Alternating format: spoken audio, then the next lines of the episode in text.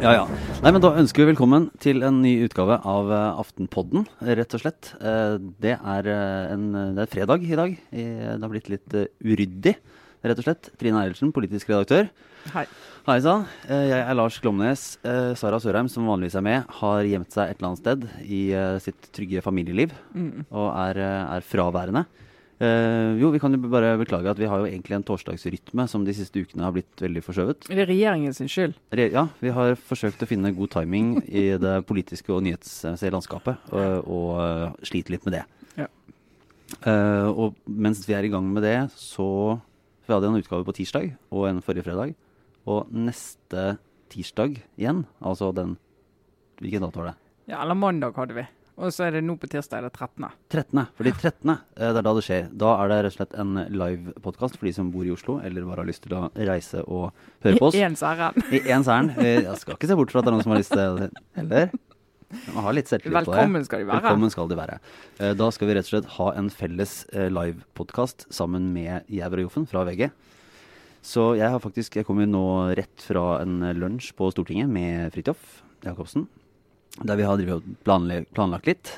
Uh, men det kan jo komme med, folk kan jo komme med innspill, f.eks. på Facebook-siden vår. Mm. Hvis det er noen som har gode ideer eller ting de vil eh, utfordre oss på, eller der de har oppdaget at, at det er uenighet som de vil se utspille seg for åpen scene, det er vi, det er vi helt klare for. Eh, nei, så jeg var på Stortinget en tur. Uh, det var den klassiske fredagslunsjen. En kan jo opplyse fra, fra innsiden av maktens korridorer at eh, fredagen er dagen der det er flere journalister enn politikere på Stortinget. I denne godt subsidierte kantinen. Ja, restauranten som de av og til Ja. insisterer på at det skal være. Ja. Eh, og da serveres det nemlig fredagspizza av den gamle 80-tallstypen.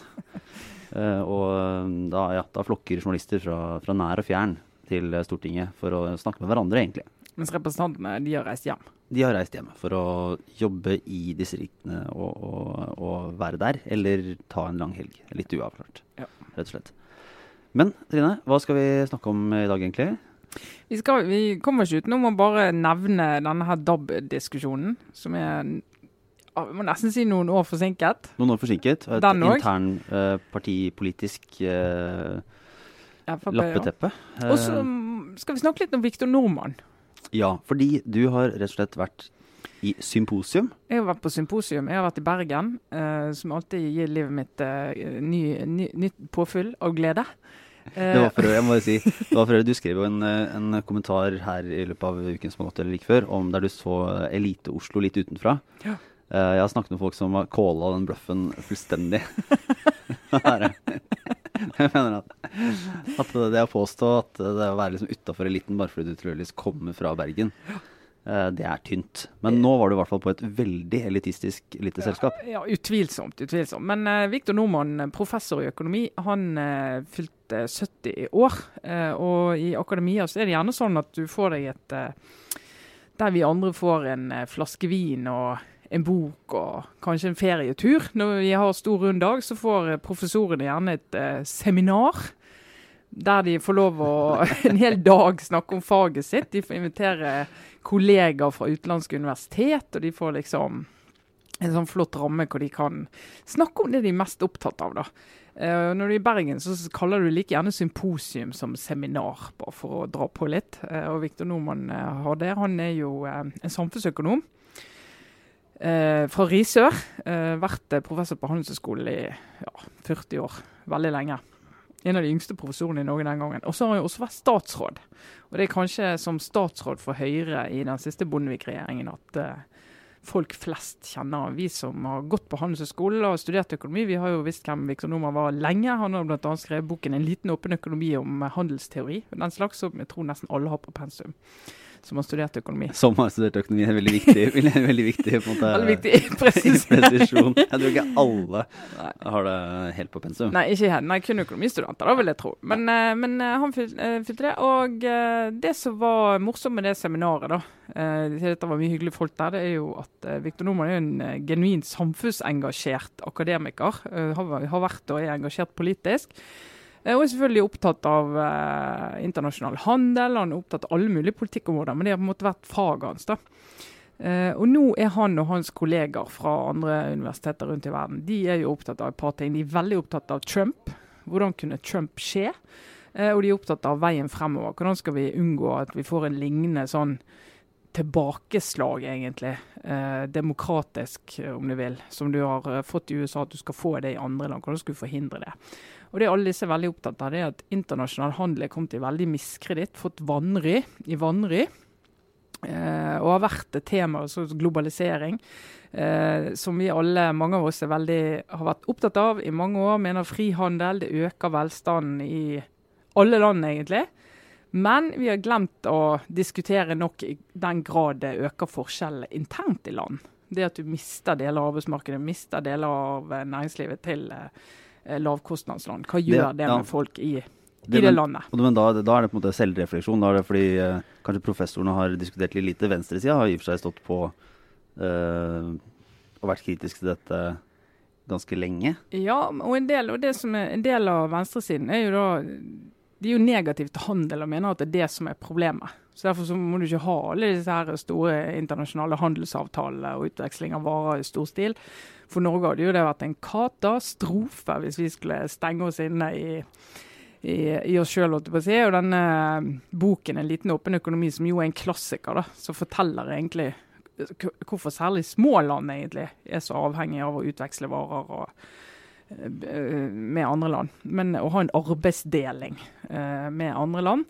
Uh, men det de er opptatt av, det er å si nå må ikke vi oss, la oss blende av alt som skjer i USA og i i, brexit, brexit og, hele, og, EU, og liksom stenge grensene og lukke oss inne i oss sjøl. Vi er nødt til å slå fast at handel det er bra, men vi er nødt til å snakke mer om konsekvensene av disse avtalene og av uh, disse endringene i næringslivet inni land. Men så er det, det er ikke noe at de egentlig beveger seg spesielt mye mot venstre da, på den tradisjonelle aksen? Eller er det bare altså, eller, hvordan, ja, det, hvordan det, jeg tror mange vil, vil oppfatte det som, er altså, det blir en annen vekting. Fordi at, altså, jeg husker Agnar Sandmo, eh, for andre som har studert økonomi, husker eh, vet hvem Agnar Sandmo er også, professor i økonomi. Eh, og sittet i 1800 utvalg, offentlige utvalg. og ja, En høvding. Han var jo også på dette seminaret. da. Han er jo snart 80 år. Og han, eh, Det var han som hadde samfunnsøkonomi i forelesningene da jeg gikk på handelshøyskole tidlig på 90-tallet, og jeg er veldig stor fan av Agnar Sammo. Og han eh, husker jeg snakket om allerede den gangen at økonomifaget det er jo normativt. ikke sant? Det liksom kommer med råd om hva man bør gjøre for å oppnå sånn og sånn. Men han sa også at vi må ikke glemme at dette skjer i en ramme av politikk. Og det er ikke sånn at økonomene kommer med et svar og så er det det riktige svaret. For det må vurderes politisk, hva man ønsker politisk. og Man må veie liksom hva er viktigst. Uh, så økonomene, han og flere, de har jo snakket om det bestandig, men jeg tror egentlig ikke de er blitt hørt.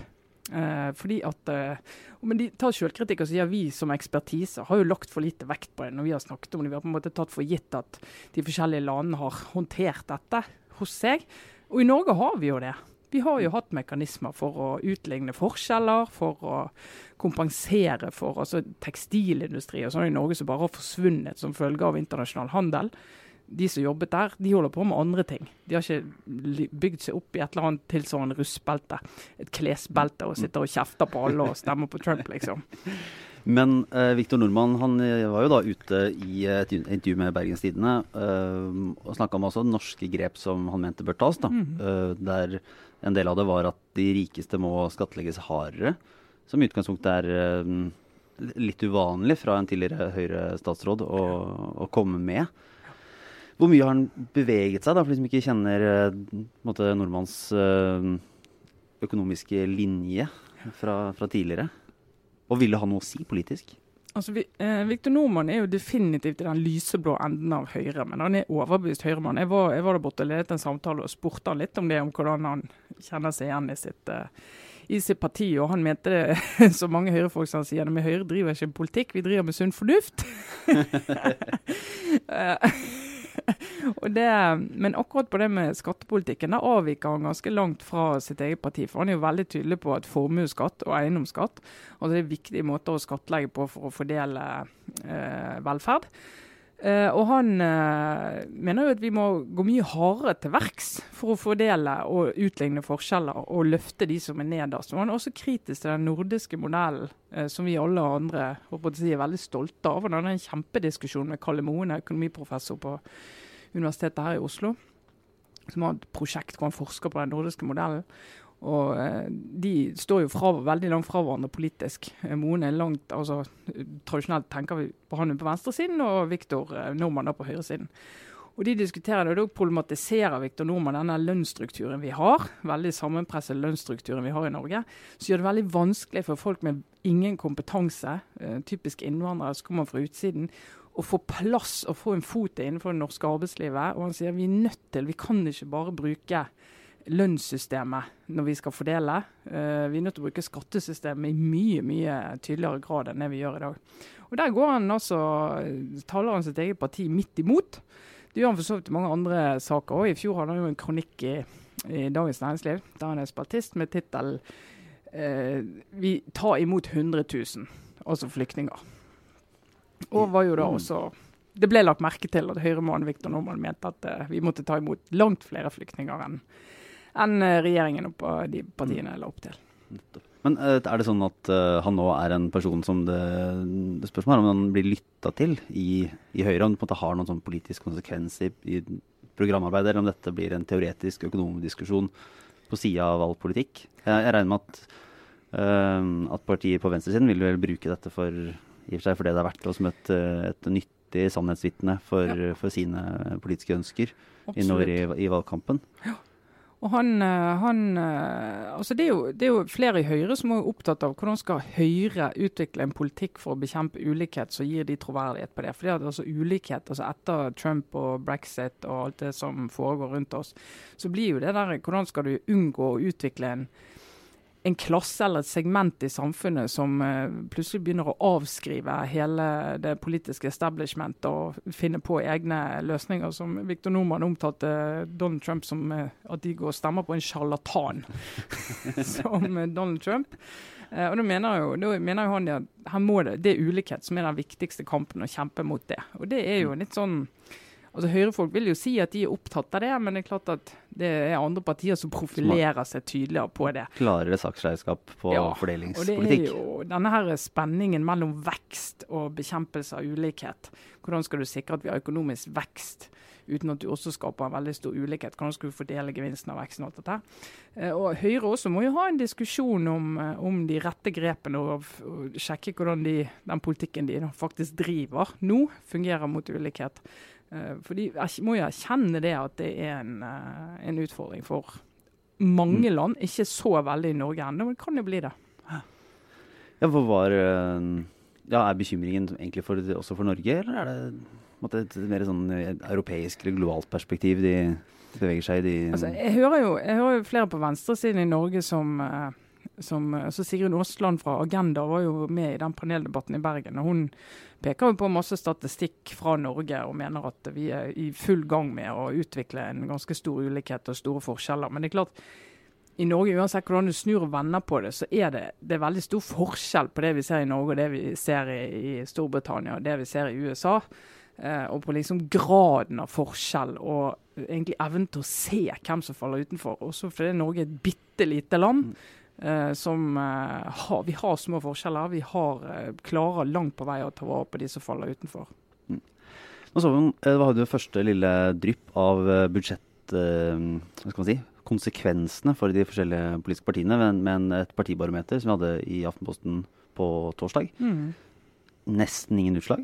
Nesten ingen utslag. Det var helt, alt var innafor feilmarginen. og det var en ganske stor endring på Venstre, men da mente jo byrået sjøl at det kan ha vært en korreksjon. fordi at de hadde veldig gode tall i forrige måned. da. Så de, mm. egentlig, hvis du skal se høsten under ett, så ligger egentlig alle disse partiene og lunker litt der de har ligget. Så det er jo, Den målingen blir jo tatt opp etter uh, forrige ukes budsjettdrama. Ja, så mye for det budsjettdrama. Verdens kjedeligste måling. Har ikke gjort inntrykk på, på velgerne. I det hele tatt. Partiet Senterpartiet er i siget som de har vært i hele år. Eh, det må, de må, det må, vi huske å nevne. Det er mange fra Senterpartiet som minner meg om at vi ofte glemmer de bare fordi de ikke er i mhm. posisjon. Men de er i siget. Eh, og En av de viktige grunnene til å nevne det er at det påvirker KrF sine vurderinger i mange saker. Eh, ikke minst så vi det under bensinavgiftdiskusjonen. KrF vil ikke bli kjeftet på av Senterpartiet for at de ikke tar hensyn til distriktene. For de har en liten konkurranse der om velgerne. Men eh, Høyre og Frp klarer seg forbausende bra. Ja, det står, det står ganske stabilt, rett og slett. Ja. Var det, snakket vi om dette på jeg husker om vi ikke snakket om det på tirsdag, eller bare i en annen sammenheng der vi pratet om uh, politisk strategi? Men det var bare fascinerende med Senterpartiet som vokser seg såpass stort, og et KrF som har eh, sett at de kan skvise ting som økt konstant, kontantstøtte ut av eh, Høyre. Ja. Eh, vil jo bli et eh, bli tøffe forhandlere opp mot Arbeiderpartiet dersom de skulle få muligheten etter valget neste år. Ja. Jeg tror ikke, jeg tror ikke Jonas Gahr Støre ser med veldig altså ser så veldig optimistisk på det, sånn, eller positivt på den opplevelsen av å sitte med en sånne eh, selvsikre KrF-forhandlere, om det skulle bli tilfellet, og eh, da noen eh, dyktige hestehandlere fra Senterpartiet, som eh, i så fall skulle komme inn på en, en, eh, en oppgangsbølge og prøve å eh, finne løsninger på, på en del av de problemene som kommer til å møte ham. Ja, jeg, jeg frykter jo at uh, hvis vi, la, for, la oss se for oss en budsjettforhandling med Arbeiderpartiet, Senterpartiet og KrF. Jeg, jeg vil vedde en flaske vin til oss på at det, det blir ikke noe, det blir ikke noe eh, Veldig lite budsjett det heller. Det blir ikke veldig billig det heller. Alle, alle kommer, de kommer ikke til å gå sammen. Så ok, nå skal vi ja, Nei, vi bruker bare veldig mye mindre penger, vi nå. Så kutte litt i kontantstøtten og kutte litt i distriktene. Og Ja, særlig. sånn, uh, innfører en haug med nye grønne grep. Jepp. Men å se, eh, av det lille politiske dramaet denne uken, så har det vært en, i hvert fall en merkverdig seanse på Stortinget. Der ehm, regjeringen da har lagt fram sitt, eh, har, sitt forslag om innføring av DAB-radio eh, i hele landet. Skal i utgangspunktet rulles ut fra eh, starten av 11. 2017. januar, ja. Ja. Um, og der er det jo nå en sånn, det som etter hvert blir en klassisk situasjon, der Fremskrittspartiet i regjering og Fremskrittspartiet i storting er helt uh, uenige. Ja. Uh, prøver seg litt på tohestsridning uh, igjen. Som, som de har hatt en viss suksess med, må vi vel kunne si. Ja, foreløpig så har det gått egentlig helt Ja. eh, greit for dem. Virker ikke som de blir straffet for det. Eh, men det, kommer, det ser jo merkelig ut når uh, Ketil Solvik-Olsen står på uh, Stortingets talerstol og ikke kan anbefale sine egne partifeller i Stortinget å stemme for regjeringens forslag. Nei, ja, det, jeg vet nesten ikke hvor jeg skal begynne for hvor ufattelig uryddig det er. Og det I tillegg så var, var det nå på her eh, i går også var det vel en, en debatt mellom rett og slett europaminister Elisabeth Aspaker og Per Sandberg om EØS. Ja, det er jo er sånn uh, men, men vet du Det er jo Vi- vi Hvis du ser 2016 og litt sånn årene med Frp i regjering som en periode, så er det mange av de sakene som har vært i år. Som i, for fem år siden hadde det vært en toppsak i nyhetene, for det hadde vært så ekstremt. Men nå er det så Mm. mange ekstreme saker at alt blir bare Vi blir helt immun. Ja, det, Og det som Frp har holdt på med denne uken her, for, for fem år siden hadde det vært spektakulære skandaler hvis vi, hvis vi hadde liksom fått det frem. sant? Men nå er det mer sånn daglig drift. Det er sånn det er med Frp i regjering.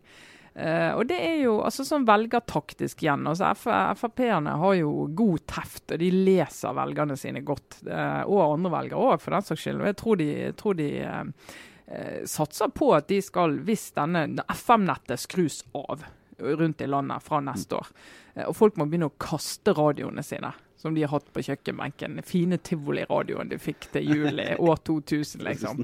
Som eh, resten av Norges befolkning. Ja. Ja. Og den har funket fint og stått på samme kanal i alle år. Plutselig er det bare slutt. Det, da kommer aggresjonen. Og da er det ett parti som kan si, sammen med Senterpartiet, som kan si at ja, var ikke vi som ville ha det. Ja, men eh, det sto jo Det var jo deres samferdselsstatsråd i en regjering som Først Senterpartiet med sin uh, Ja, det forrige rød-grønne regjeringen som bestemte seg for at uh, med full støtte fra Stortinget om at dette, dette går vi for. Det er jo Frp som har vært mot hele tiden, og Senterpartiet er skeptisk. Og så eh, har denne regjeringen fulgt eh, lojalt opp de forrige. og liksom lagt, Det er jo kjempeprosjekt, sant? og NRK investerer mye penger. Og så når, Men når kritikken kommer neste år, så posisjonerer Frp seg sånn, og det er jo tilfeldigvis valgår neste år, så kan de si ja, nei, vi syns det er helt unødvendig at dere skal kaste radioene. Når dere har Ja Topp fine radioer. Ja, ja. Kjør dette parallelt. Kjør det parallelt, ikke skru av. La folk få lov å velge. Jeg merker at jeg er ehm, Jeg ser jo at det er veldig mange som engasjerer seg voldsomt i dette. Ja. På, sånn, på sakssiden, da. Altså det, at, at det er er en skandale, dette DAB-nettet. Eh, og da må jeg nok erkjenne at jeg nok en gang sitter liksom ja, inni den uh, Oslo-gryta og driter i det. Og tenker hva, hva er problemet? Ja. Sånn, jeg kjenner, jeg hører jo bare radio på via internett uansett. Det kommer bare til Ja, på badet har jo jeg en sånn Husker de da en ra- eh, tivoliradioene som skulle stå på badet? Jeg har en sånn på badet. Og, Og nå må du kaste den. Nå må jeg kaste den. Og som alt annet er jo Sonos internett og ja. Sånn som det vil jeg tro, et vanlig norsk hjem. Men i bil, da? I bil, det blir dyrt, Lars. Skal bytte radio i bilen. Hører du på internett i bilen? Ja. Ja. For det er Aftenposten betaler abonnementet ditt. Ja, ja, ja. Men det er jo men jeg, altså det jeg kjenner på, er at ja, dette, jeg kjenner jeg kunne nok engasjert meg i det, men så kjenner jeg òg på at det er egentlig litt for seint. Altså komme nå, liksom. Rett før de, de står der med alle montørene klar til å skru av. Mm. Og så skal vi liksom komme at nei, dette må vi stoppe. Det, jo, det, det går ikke an. Så den beslutningen er tatt, og noen beslutninger må du bare rett og slett gjennomføre. Så må du, kan du mene det du vil, men det er rett og slett for seint i løypen å komme nå. Og Så må vi erkjenne at, at hvis man bor eh, rundt i resten av landet og kjører gjennom eh, over lengre strekninger og bruker den DAB-radioen, så er det ting som tyder på at det foreløpig ikke er et spesielt eh, sømløst system. Nei, men hvis du har kjørt fra Bergen til Voss, det har du sikkert. Ok, ja, eh, Der er det jeg vet ikke, det er over 40 tunneler. Og det går ikke an å høre radio der. Det går ikke an å høre FM-radio der. Så de som romantiserer at det er, så, at det er god kontakt med FM-radio rundt i landet, de Ja. Ring meg. Ja. Alt er bedre enn det. ja. Eh, men vi får vel eh, vi får svinge så vidt innom uh, drama i Telenor. Ja. eh, Ukens store ja, sjokksak, skal vi si det? Det var sånn du tenkte, Først så tenkte jeg å nei, en stor sånn Telenor-sak. Da blir det ikke så rolig inn mot jul som vi hadde håpet. Nei, den, for da var eh, Dagens Næringsliv eh, onsdag Ja. kveld eh, kom med saken om at styreleder i Telenor, eh, Gunn Wærsted, hadde, hvis vi forstår gangen riktig, hadde snakket med um, altså da konsernsjef Sigve Brekke uh, og gitt uttrykk for at han ikke hadde hennes tillit. Mhm. Og så ble dette tatt opp i styret. Litt uklart foreløpig hvem som sørger for at det ble tatt opp. Uh, hvis det var Værsted selv som tok det opp, så tyder jo det på en litt uh, dårlig vurdering, da.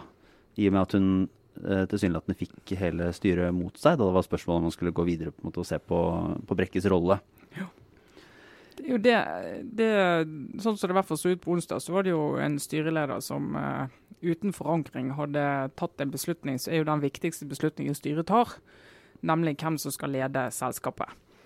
Uh, og, men så sier hun jo sjøl, og inntrykk Altså det hun sier er at selvfølgelig hadde jeg forankret det i styret. Jeg ville aldri gjort noe som ikke var forankret i styret. Så da en hypotese er jo at hun har snakket med styremedlemmer, og at noen av de enten har skiftet mening, når det har blitt en diskusjon. Men så sier de jo også at dette har foregått, den diskusjonen om tilliten til konsernsjefen har foregått siden i sommer. Det er veldig, veldig lenge i et eh, børsnotert selskap der det tas beslutninger absolutt hele tiden. Og det tar tunge investeringsbeslutninger og strategiske beslutninger. Og Hvis du da har en situasjon der styrelederen og konsernsjefen ikke snakker godt sammen og vil det samme, og er enige om hvordan verden ser ut, det, det er så alvorlig at uansett hva som er forklaringen på at de har havnet der de har havnet, det at dette har fått lov å pågå så mange måneder, er en skandale. Og det er i utgangspunktet så er det ikke en sånn situasjon som begge kommer ut av. Eller er det, er det en holdbart? Kan, er det, sånn som kan bare lappe sammen? Og så, og veldig så er man, vanskelig å eh, se at disse to skal fortsette. Mm. Uh, en, av de, en, av de, en av de må jo forsvinne ut av dette. her, For det hvis det er riktig, som Dagens Næringsliv skriver, at hun eh, ikke har tillit til ham pga. ting han gjorde og var med på, eller ansvarlig for, da han var i, Asia, i Telenor i Asia, eh, så må det da være en vurdering i styret der andre i styret mener at det ikke er så alvorlig. At det bør gjøre at han skal miste jobben. Eh, mens hun mener at det er det. Og da eh, må jo også eierne må jo da enten skifte ut hele styret og beholde Gunn Wærsted. Mm. Eller så må de ofre styrelederen og si at vi deler resten av styret sin vurdering. Eh, Så det er jo, Nå skal de ha styremøte på mandag. Det vitner jo om at dette er en sak noen har hatt, har hatt veldig stor interesse av kom ut akkurat da den kom ut. Uh, og sånn det ser ut nå, så har i hvert fall Brekke-siden da hatt en god uke. Ja, og, eh, men det er fascinerende å se også i, i store bedrifter. og Det har vel det har vært en tøff periode for Brekke, og han kom jo inn ehm, og, og det ble jo stilt spørsmål ved om han var den rette også på bakgrunn av at han var mann, og at man liksom ikke så bredt nok i å finne kandidater. Og så kommer han fra en, uh, fra en, uh, en stilling i, som leder for Asia-operasjonene, der man hadde det vært noen år, og der det til, tilsynelatende, og ifølge de jeg har snakket med, er en litt annen, gans, eller ganske annen bedriftskultur. da. Ja. Uh, og han har kanskje fått, har fått gjennomført ting der på, en, på en måte som ikke er like lett å ta hjem til, eh, hjem til konsernet. Med, der beslutninger skal forankres litt mer, og der hvor eh, i hvert fall Gunn Wærsted også er en, eh, fordi det jeg hører, en ganske sånn streng, eh, bankerfaren eh, leder som forventer at prosesser følges veldig, Mm. uh, veldig etter boka og veldig systematisk. Mens Brekke kanskje har bygd seg opp i Asia på, på å ta litt raskere beslutninger og sette i gang med ting. På en, eh, på en litt annen måte enn det som forventet, har vært forventa her. Da. Ja. da hvis, to så, hvis to mennesker med såpass forskjellig utsyn på hvordan ting skal gjøres, skal samarbeide og ha tillit til hverandre, så krever det jo eh, litt ekstra, vil jeg tro. Jeg syns jo eh, med Sigve Brekke, som eh, jeg har også kilder i Telenor som faktisk en jeg kjenner eh, godt, som har skiftet helt syn på Sigve Brekke og sier at han var veldig skeptisk da han fikk den jobben. og hadde nett, Han hadde det ryktet på seg fra Asia, flere som bekrefter det, at de drev butikk der borte på en annen måte enn enn de gjør her. Og så sier det mange som var skeptiske både til måten han behandler folk på, men som har snudd helt og sier det at han er en karismatisk, visjonær, god leder. Så flink å få med seg folk, og han liksom skryter masse av han.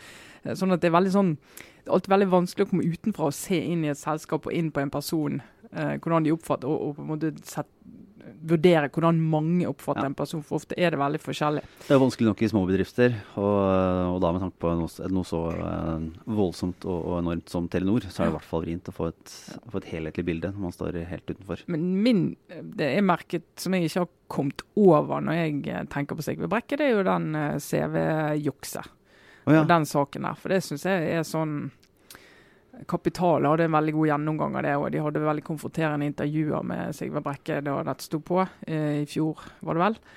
Eh, og Det syns jeg han kom dårlig ut av, og det vitner for meg om eh, karaktertrekk og mangel på karakter som jeg ja, jeg, jeg, klarer ikke å få det til å henge sammen med at du skal kunne ha den type tillit på det nivået, hvis du har, hvis du har pådratt deg et sånn historie som det der. Altså, for det, Det var mer gjennomtenkt enn det du sa. Når jeg, hører om Sigurd Brekke, så tenker jeg på én ting. Da tenker jeg på den der, de bildene og den videoen av da han driver med sånn indisk Bollywood-dans med en tromme foran eh, med sånn tusen, ja, med, med sånn tusen ansatte. Det er, det er brent fast. eh, over, og liksom egentlig mer enn noe annet ved, ved Ja. hans lange karriere. Ja, og det er jo det, er jo det som er tilbakemelding på han, at han er mye flinkere til å være ute blant folk-folk enn mingle blant eliten. Han fikk jo kritikk for annet at han ikke var på alle disse konferansene og årsmiddagene og minglet med eliten. Og at det burde han være, og han dukket jo opp i vinter, husker jeg, på Norges Bank sin årsmiddag.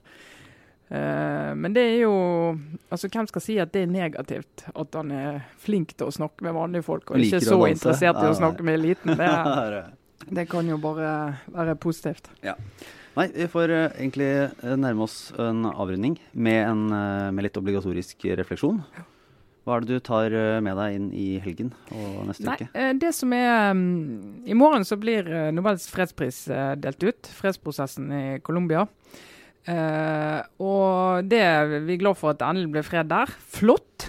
Jepp, tommel opp. Men men, det, men det som eh, jeg har lyst til å anbefale, det er at borte på, på Nobels fredssenter der har de en eh, utstilling som åpner i den forbindelse. Der eh, pressefotografen Mats Nissen har blitt sendt til Colombia, har vært der i tre uker.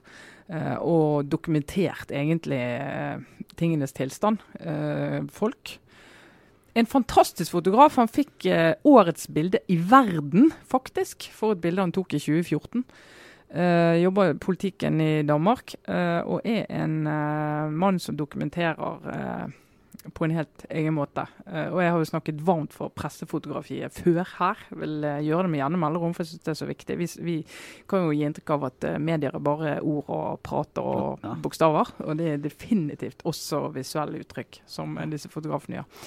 Nå har ikke jeg sett utstillingen, men jeg har sett noen av bildene på nett. Uh, og det har gjort meg enda mer overbevist om at jeg skal bort og se utstillingen. Bare de bildene som ligger på nett, gå inn og se på Nobels fredssenter. Noe av det som ligger der, så tror jeg du blir fristet til å gå bort og mm. se på, på resten av bildene. Ja. Veldig inspirerende med gode foto. Ja. Uh, min skal si, obligatorisk refleksjon. Jeg har jo en, går inn i en, eh, det er litt sånn jobbnært, for jeg skal gå inn i en jobbhelg. Så det betyr bl.a. at jeg ikke får gått på på julebordet til Stortingets presselosje på Ekebergrestauranten i, i kveld. Det må andre ta seg av. Det er jo vanligvis en ganske hyggelig anledning til ja. å møte politikere og eller først og fremst kollegaer. Ja. Eh, det er jo ingenting vi er så glad i som å snakke med kollegaer i den lille Og le av og med politikere. Så det, ja. jeg skal ta med det, Lars. Ja, det er veldig bra. Uh, og så da må du passe på å finne et uh, godt bord. Det er jo, det er det er jo faktisk uh, av Jeg vet ikke helt hva som Jeg, går, jeg er jo ikke så mye i de kretser da som det du er, uh, Symposie-Trine. årsmiddag og symposiesegmentet. Ja. ja. Uh, men jeg vet ikke om det der Er det vanlig sånn fri bosetting der også, eller? Er det Nei, heldigvis, holdt jeg på å si, så er det mye Nei, både òg, vil jeg si. Mye det er kanskje den største utfordringen ved, ved Presselosjens julebord, er ja. å, å, planlegge riktig og treffe sånn at man får riktig. riktig bord. For det er sånn, Sitter ved der, runde, de riktige bord, politikerne. Så det er liksom åtte-ti og de riktige politikerne, riktige journalistene, ja. da er det en god kveld. Sitter du på bord med Trygve Slagsvold Vedum, så vet du at du kommer til å le den kvelden. Ja, da blir det en hyggelig aften. Så du må, liksom sånne vurderinger du må gjøre. Ja, På stående fot idet du går inn i rommet, så må du ta noen raske, kjappe, viktige vurderinger. Men uh, mens det foregår, da, og uh, alle går rundt og, og skåler forsiktig på Ekebergrestauranten og ser utover Oslofjorden, så kommer jeg til å sitte her i Aftenposten og, og prøve å jobbe litt. Og, men jeg kan i hvert fall anbefale alle å lese en sak som ble lagt ut på torsdag av uh, min gode kollega Henning Karekroll, som er en uh, gjennomført, uh, entusiastisk nerd på en del tekniske ting. Brann og redning, Brann og redning, ikke minst. Beredskap. har tidligere skrevet lange serier om nødnett og en del andre saker som det er Og Brannmann Sam. Og Brannmann Sam, som det er viktig at folk følger med på. Mm. selv om det kanskje ikke treffer alle. Men nå har han i hvert fall skrevet en fantastisk gjennomgang av et drama jeg rett og slett ikke visste hadde skjedd. Som var fra år 2000, var det ikke det? Mm. Da et tog eh, kolliderte inne på under dramatiske omstendigheter inne på Lillestrøm stasjon. Altså der. Det var fylt med propan. Og det en sånn eh, statlig gransking i etterkant viser, er at dersom eh, temperaturen og været hadde vært ørlite grann annerledes, så er det svært sannsynlig at det hadde, hadde blitt en av norgeshistoriens største uh, ulykker og katastrofer. For det kunne vært altså, en, en storbrann som vi aldri har uh, sett i Norge før. Og det mm. var da egentlig helt tilfeldig at det ikke, ikke skjedde. Flaks, rett og slett. Ja, ville, ville rett og slett brent ned uh, så godt som hele Lillestrøm. Og ikke minst Sara Sørheim. Og ikke minst Sara Sørheim. Fordi det viser seg jo at uh, Sara Sørheim, som er oppvokst utenfor Lillestrøm, da, da, dette skjedde, som jeg vet ikke om det var Jeg vet ikke om det var hva som, som dro det, med sin far reiste ned og skulle se på denne brannen. da, Stilte seg rett ved disse sperringene. Lite visste de om at hvis det hadde vært fem grader varmere eller kaldere, eller et eller annet, så hadde det, hadde det vært slutten på, på to, to, generasjoner Sørheim. Eh, familien. Mm. Rett og slett. Så det var, flere, var enda flere grunner til at det var godt det ikke skjedde noe galt. Ja. Uh, men den fins i hvert fall uh, liggende ute på nett. Det må være, det, Og den kan jeg faktisk uh, dra videre til en liten anbefaling til. for du må være abonnent for å lese den. Så da, hvis man ikke er det allerede, så kan du gå inn på aftenposten.no slash podden. og få et, et tilbud som Aftenpodden-lytter, rett og slett å, å, gå inn der og for en billig penge eh, få et godt lesestykke. Ja, veldig bra. Ja. Eh, kan vi ellers oppfordre alle til å gå inn på Facebook-siden vår? Ja. Eh, gjerne komme med innspill før denne direkte podkasten vi skal lage på tirsdag. Den kommer vi til å legge ut like før jul. Rett og slett. For den går, vi kommer ikke til å publisere den sånn på, på dagen. Den blir en slags julespesial. Jeg tror den han kom i romjul. Vi får se litt, men Ja, vi, det skal vi si fra om. Eh, Ja. Den er der. Uh, og for de som har muligheten, så er det selvfølgelig hyggelig om de kommer da, på Kulturhuset på Youngstorget eh, klokke, fra klokken seks. Jeg er litt Mm. usikker på akkurat når vi setter i gang. Ja. Det kommer, blir og varer en times tid. Og forhåpentligvis blir det gøy og hyggelig, og man kan, kan møte litt trivelige mennesker også. Veldig mye hyggelige folk. Det vet du i hvert fall. Det vet du i hvert fall. Ja. for, for oss så er det egentlig Det er veldig hyggelig å lage, lage podkasten, og så er det et lite slags julebord, da, Ja, det blir litt kan man kalle det. Rett og slett. Ellers eh, abonnere på iTunes. Kom med en sånn liten rating og en liten eh, hyggelig melding om det er på sin plass. Da blir Trine så glad. Blir veldig glad. Ja. Plutselig dukker opp ratingen opp i en annonse. Ja, Da blir jeg enda mer glad. og Spredd, spredd det glade budskap uh, til, til, til det ganske land. Uh, og så takker vi for oss for denne gang. Det ble litt prating i dag òg, Trine. Ja, det ble det. Men uh, det, får, det får vi leve med. Vi, vi, Sara har en god kvote når hun kommer Ja. tilbake. Den tror hun skal klare å bruke. fylle. Helt fint. Jepp. God helg. Det var altså Trine Eilertsen og meg, Lars Klomnes. Ha det bra.